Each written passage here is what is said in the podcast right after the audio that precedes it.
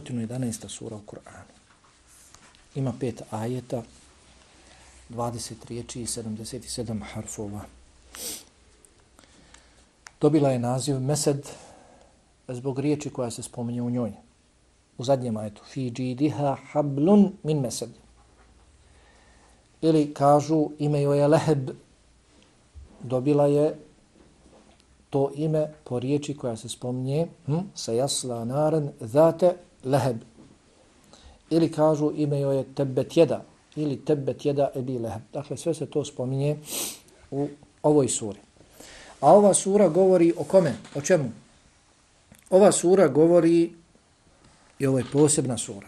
Zadnje kuranske sure, rekao sam, posebne su sure. Ova sura govori o jednom od amidža Allahovog poslanika, alaihi salatu sam. On je imao koliko amidža? Imao je deset amidža. Poslanik, alihi salatu wasalam je imao deset amidža. Njegovo poslanstvo, kada je postao poslanik, doživjelo je četverica od njih. Šest ih je umrlo. Četverica su bili živi. Od te četverice dvojica su prihvatili islam. Od njih su, ko su ta dvojica? Hamza i Abbas. Hamza je rano primio islam u Mekki. Je li tako? Kada je Abu Džehl korio poslanika, alihi salat sam psovao ga grdio, nakon toga zato je saznao Hamza i došao, je li, počeo da udara, vratio se iz lova, i počeo da udara svojim lukom, svojom strijelom, počeo da udara Ebu Džehla i govorio mu, zar ti da njega vrijeđaš, a ja sam na njegovoj vjeri. Još tad nije bio primio islam, međutim, nakon toga je otišao poslaniku, alihi salatu sam i odmah, odmah primio islam, dakle, rano. Abbas je pred oslobođenjem Mekke primio islam. Hamza je i preselio, tako, na Uhudu. Hamza je prvak šehida. Preselio na Uhudu. Primanje islama od strane svoga brata nije ni doživio. Abbas je pred oslobođenjem Mekke primio islam. Druga dvojica koja nisu primili islam su Ebu Leheb i Ebu Talib. Od njih dvojice bolje bio Ebu Talib, koji je brinuo se o poslaniku alaihi salatu wasalam nakon smrti djeda, nakon djedove smrti, je tako, Abdul Mutaliba. Prvo je, dakle, poslanik se, sallallahu sallam, rodio, otac mu je već bio umro. Nije ga otac ni dočekao, umro je. Zatim, rano je izgubio i svoju majku Aminu, Nakon toga brigu o njemu je preuzeo djed Abdul Mutalib, pa i on umro i nakon toga Ebu Talib preuzeo je brigu o njemu i dakle brinuo se sve do godine, kažu deseta godina po poslanstvu, dakle do godine koja je nazvana ha, godina tuge, kada je nakon njega umrla ubrzo i Hatidža radijallahu, radijallahu anha. Dakle, Ebu Talib je bio bolji. Stao je svo vrijeme, je stajao uz poslanika alihi salacom i govorio mu nastavi, radi ono čime te Allah zadužio, ne, ne smijete niko dirati, ja ću te, ja ću te štititi. I spominju se u životopisu, dakle, mnogi događaji da su došli mušrici i prijetili čak i njemu Abu Talibu, da će i prema njemu se neprijateljski odnosti ako im ne preda Muhammeda, sallallahu alaihi wa sallam, međutim, dakle, on je čvrsto stojao uz njega, ali je umro kao nevjernik.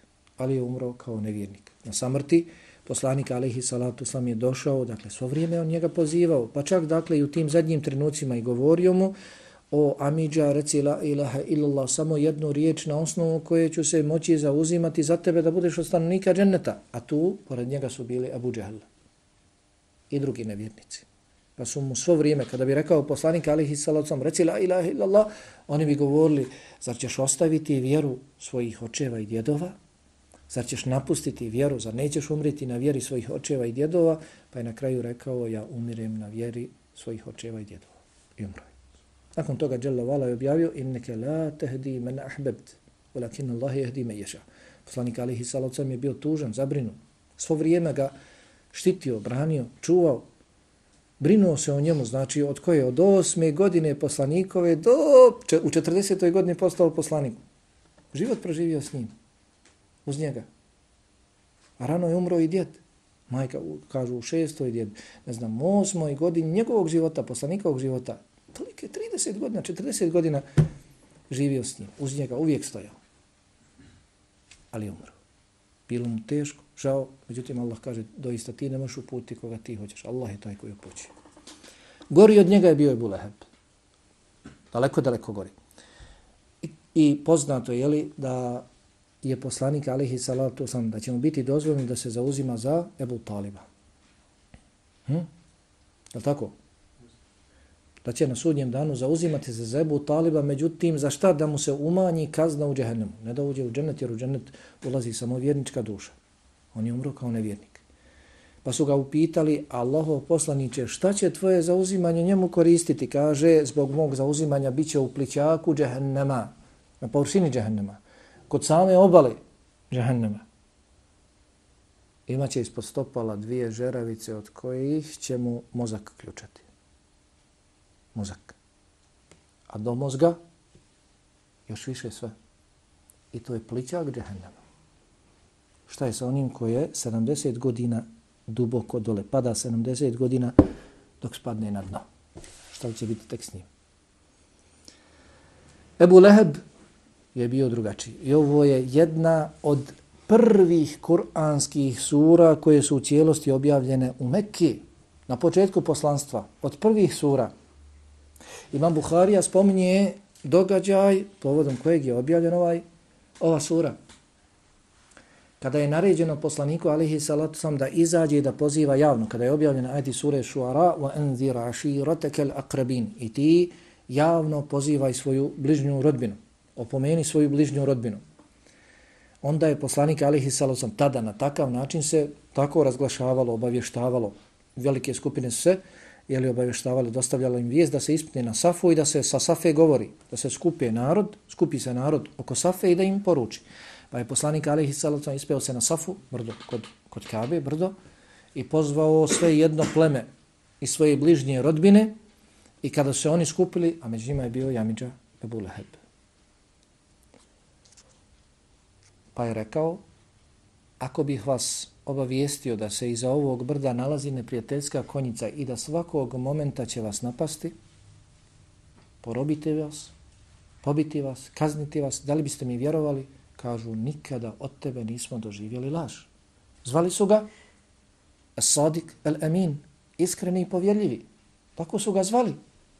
Nikada od tebe nikakve laži nismo doživjeli. Vjerovali bismo ako bi nam to rekao. Kaže on da vas ja obavještavam i upozoravam vas na kaznu na sudnjem danu.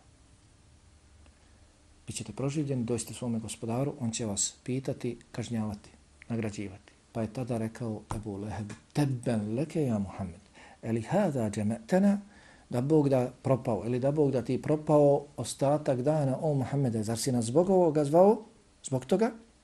Pa je Allah dželevala objavio na sličan način kako je on rekao, tebben lek, ja Muhammed, kaže dželevala, tebbet jeda ebi leheb o teb. Da Bog da propao Ebu Leheb i propašće. Ili da Bog da stradao Ebu Leheb i stradaće. Zašto Allah dželle kaže ha Ebu Leheb to mu je kažu bio nadimak ali je poznato da je ime vrijednije od nadimka Allah neće da ga spomene jer je on bio poseban Allahov neprijatelj. Neće da ga spomene po bolje Allah nam je naredio da nadjevamo jedni drugima imena po kojima ćemo se zvati na Dunjaluku i sutra biti prozivani na sudnjem danu. Imena, ne nadimke, Naprotiv, ljudi izmišljaju nadimke, pogrdne nadimke, Allah je zabranio to, pa ga ne spominje po imenu zato što je ime vrijednije od nadimka. Ne, ti ne zaslužuješ. O tebi sada govorimo, ti ne zaslužuješ da se po vrijednijem spominje. Zašto opet kažu da mu je bilo ime Abduluzza? Abduluzza, rob Uzza. Uzza je bio jedan od ta tri, jel tako, posebna kipa koja su oni obožavali. Lat, Uzza i Menat. Najslabija. Pa Allah dželovalo, zar neko može u Kur'anu ha, da stoji da se čita do sudnjega dana rob nekog tamo lažnog božanstva kipa? Ne. Leheb kažu da je bio izuzetno lijep, Ebu Leheb. Da je bio lijep. Da mu je lice blješkilo, sjalo. Što bi rekli Nurli. Pa dobro, zašto onda nije Ebu Nur? Ne, ne. Ebu Leheb je vatreni plamen. Zato što ga čeka na drugom svijetu vatreni plamen. Zato ga je Allah spomenuo ovdje, po Ebu Lehebu. Poznato je, tako i siri životopisa poslanika alihi salacom, kada je pozivao, nije bilo osobe da, je, da ju je pozvao poslanika alihi salacom, a da nakon njega nije dolazio Ebu Leheb i govorio, to je moj bratić, ne slušaj ga, on je ludak, on je sihirbaz, on je vračar, on je gatar, ja ga dobro poznajem, ne slušaj ga. Kada bi dolazile hađije i tada, prije islama, bio je hađ, na poseban način. Kada bi dolazili sa svih strana hađije i postavljali svoje šatore na mine na drugim mjestima, poslanik Alihi Salavcom bi ulazio u svaki šator zasebno i pozivao bi, nakon njega dolazio je Leheb i govorio isti riječi. Ne slušajte ga, ja ga dobro znam, on je moj bratić. Dakle, nije ostavio mjesto, nije ostavio vrijeme, a da nije odvraćao od poslanika Alihi Salatu, Alihi Salatu Veselam. I ova sura je jedna od mođiza poslanika alaihi salacom. I ova sura je jasan dokaz da je Kur'an Allahov govor i da je Muhammed Allahov poslanik. Ova sura je objavljena na početku Islama. Jebu Leheb i njegova žena su živjeli, nisu mogli prihvatiti Islam. Allah je rekao da Bog da propao i propašće. Neće primiti Islam. Definitivno. I umro je. To je jasan dokaz da Muhammed ne govori od sebe ove riječi. Hm, Muhammed, sallallahu alaihi sallam, kao i svi drugi ljudi, ništa nije znao od gajba, osim koliko mu Allah pokaže. Obavijesti ga o tome. Nije znao kako će umrijeti koji njegov amiđa. To nije znao. Izgarao je zajbu talimu da primi islam. Nije primio. Volio je. Nije primio islam. Nije mogao da bude sebe njegove upute. Ha? Međutim, Allah kaže, iznad sedam nebesa propao je i propašće sigurno. Da Bog da propao i propašće. Pa se kaže da je umro u teškim mukama, da mu se meso raspadalo, odvajalo se od kostiju, raspadalo mu se meso. Tri dana nakon smrti nismo mogli prići. Koliko je zaudarao? Pa su iz daljine prosuli vodu na njega i štapovima ga gurnuli u jamu. Boriš se protiv poslanika? Dalje kaže Jalla wa'ala ma agna anhu maluhu wa ma wa ma keseb. njemu ništa neće koristiti, neće mu biti od koristi njegov imetak i ono što je stekao. Kaže se da se ipak on dvoumio. Međutim, govorio je, ako je istina ono što govori moj bratić, kao što mi poznate, ali tako Mekelija nisu vjerovali u proživljenje. Dolazili bi s kostima, mrvili bi kosti i govorili, ko će oživjeti ove kosti? Sad neko može oživjeti kosti mrvili bi kosti u prah i pepeo, puhali i prah bi se razasuo. Kaže, zar će neko, da neko može ponovo sastaviti ove kosti, kako Allah dželevala govori u suri Asin, jel tako reci, sastavit će ih onaj koji je prvi puta stvorio. Nisu vjerovali u proživljenje. Zato kada pogledate sadržinu mekanskih sura, govore o Allahu, govore o melekima, govore o imanu, govore o sudnjem danu. Ponajviše. Pa je rekao, ako je i istina ono o čemu on poziva, a doista sudnji dan postoji, ja ću se odkupiti sa svojim imetkom i sa svojim potomstvom. Bio od Kurešija, imao imetka mnogo. Bio ugledan, imao mnogo imetka, bio imućan. Pa Allah dželle vala kaže ma agna anhu maluhu ma kasab. Neće njemu biti od koristi njegov imetak i ono što je stekao. Kažu ovdje, pod ono što je stekao misli se na potomstvo. Jedno od značenja kod komentatora, komentatori spominju maluhu imetak koji je imao vema keseb ono što je stekao, odnosno potomstvo. Njemu ništa neće koristiti njegov imetak niti potomstvo. Jer u hadisu stoji, ha, poznat nam dobro hadis, da je najbolja, je tako, najbolji zaloga je hrane onaj koji čovjek pojede od svojih ruku. Najbolja zarada jeste ona zarada koju stekne, zaradi svojim rukama, dalje stoji u hadisu, a najbolja čovjekova zarada na dunjalku jeste dijete. Najbolje što možeš zaraditi najbolje što možeš postići na dunjalku jeste dijete. Najbolje što možeš imati na dunjalku jeste dijete. Ako se pobrineš za njega, odgojiš ga, onda definitivno to će biti najbolje, najbolje za tebe. Dakle, ovdje kaže, a najbolja čovjekova zarada jeste dijete. Zato komentatori kažu ovdje ono što je stekao, ono što je zaradio, kažu, to je potomstvo. To su, to su djeca. Drugi komentatori kažu da se pod maluhu misli na imeta kojeg je naslijedio o svojih predaka, a pod ona keseb ono što je on stekao od imetka. Dakle, neće se moći otkupiti. Kao što je na Dunjaluku umro u teškim mukama isto tako, na drugome svijetu će se mučiti, međutim neće umrijeti. Neće se od te patnje muke moći otkupiti svojim imetkom i svojim potomstvom. Šta će biti s njim? Se jasla naran date leheb. On će ući sigurno u rasplom salu vatru. U vatru velikih plamenova. Hm. Nakon toga Allah dželle govori o njegovoj ženi. Pa kaže: وَمْرَأَتُهُ imra'atuhu الْحَتَبِ hatab وَمْرَأَتُهُ حَمَّالَةَ الْحَتَبِ Čini mi se, ja sam govorio ha, na prvom predavanju, mnogi dakle, kažu ovdje حَمَّالَةَ الْحَتَبِ وَمْرَأَتُهُ حَمَّالَةَ الْحَتَبِ Dakle, nije u redu tako učenje. Hamalete je jedna riječ. Hamali, kod nas je poznat hamale, tako? Hamal je, ha, hamalete, otvrte musa, vidjet ćete na kraju okruglu ta. Ženski rod. Hamal je bez okruglog ta, dakle muški rod. Hamaletun, riječ ženskog roda, ima okruglo, okruglo ta. Pa je dakle to riječ, jedna riječ, hamaletu, a ne hamalete. Hamalete. I njegova žena, šta će biti s njom? I ona će ući u vatru. وَمْرَأَتُهُ حَمَّالَةَ الْحَتَبِ I njegova žena koja nosi to, to, šta će biti s njom? I ona će ući u vatru. Prije njenog spomena spominje se rasplomsana vatra. Zatim se kaže i njegova žena. Dakle, i njegova žena će ući u tu vatru. Ko je bila ona? Erva, bilo je ime e- Erva, Umu Džemil. Također i ona je bila iz ugledne porodice. Porodice Ebu Sufjana. Imućna. Hammalet al hatab. Šta znači? Ham, odnosno hammalet al hatab. Šta znači? Na, na, naviklo se. Hammalet al hatab. Ona koja je nosila trnje, granje.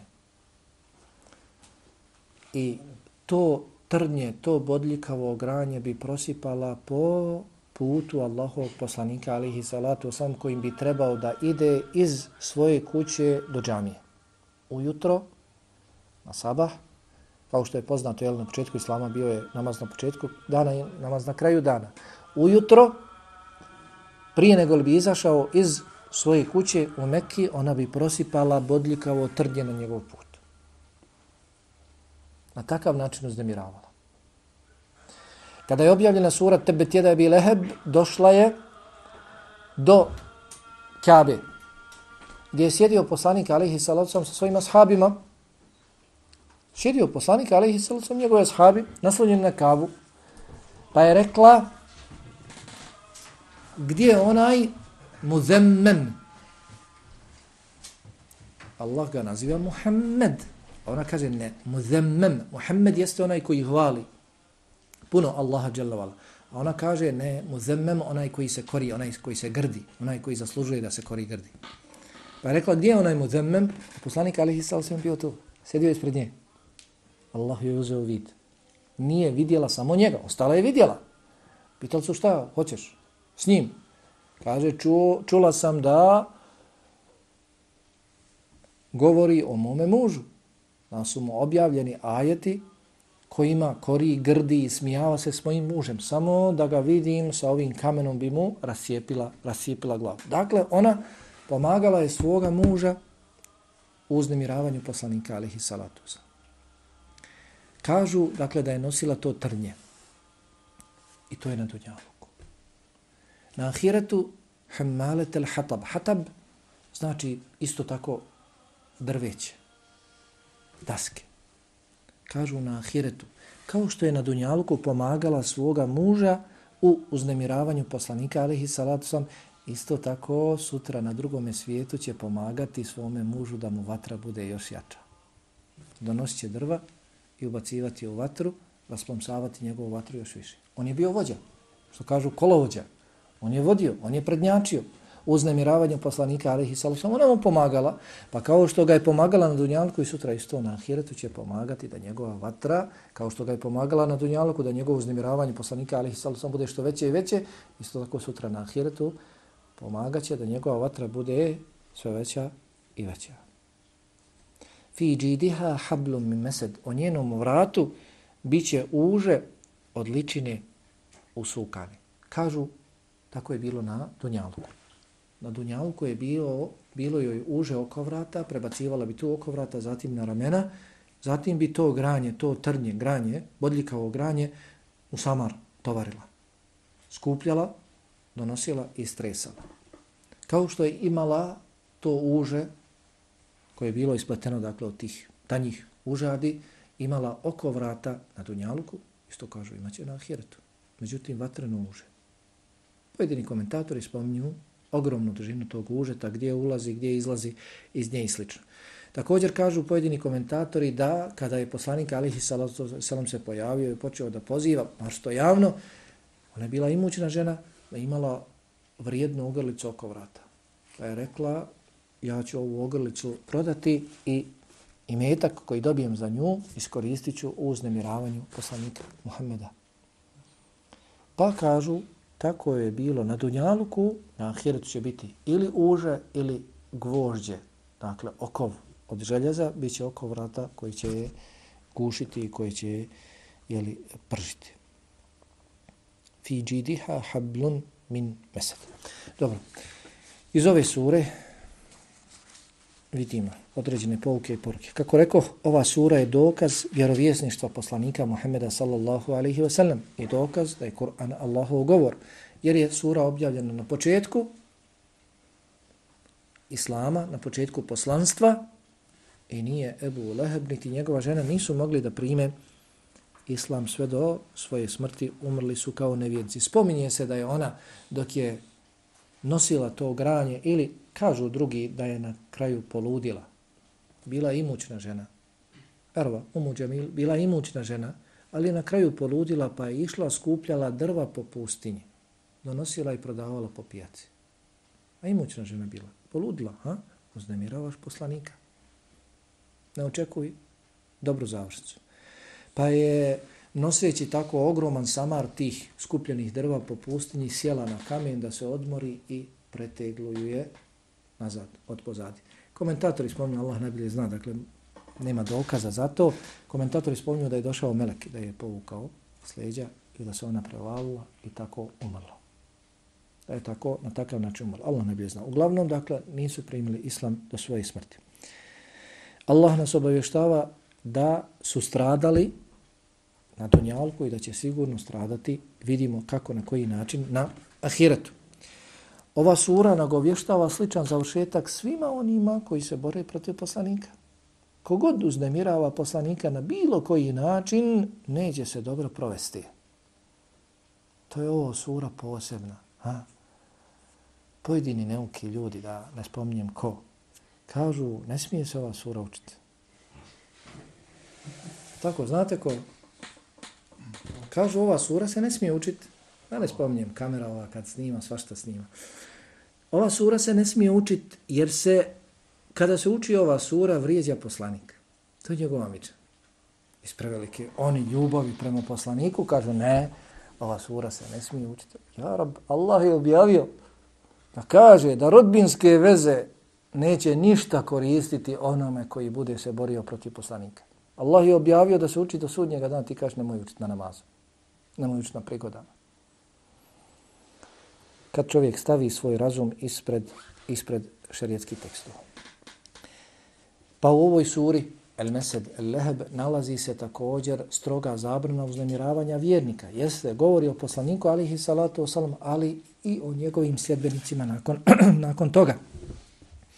Jasno sura pojašnjava da imetak, potomstvo čovjeku ništa neće koristiti, naročito ukoliko bude, ukoliko bude nevjernik da ima i metka koliko je zemlja, još toliko, još toliko neće se moći otkupiti od kazne koja ga čeka.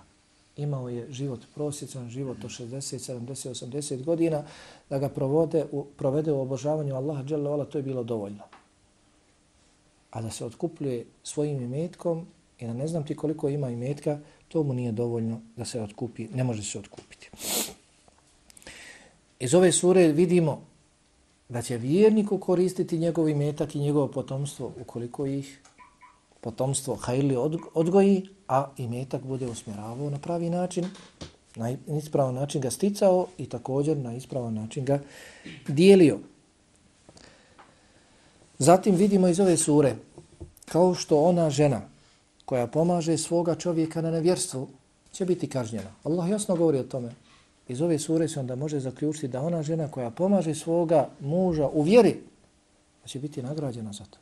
A vjernica koja pomaže svoga muža u vjeri, postiče ga, upotpunjava omladino njegovu vjeru, bit će, ako Bog da, za to nagrađena.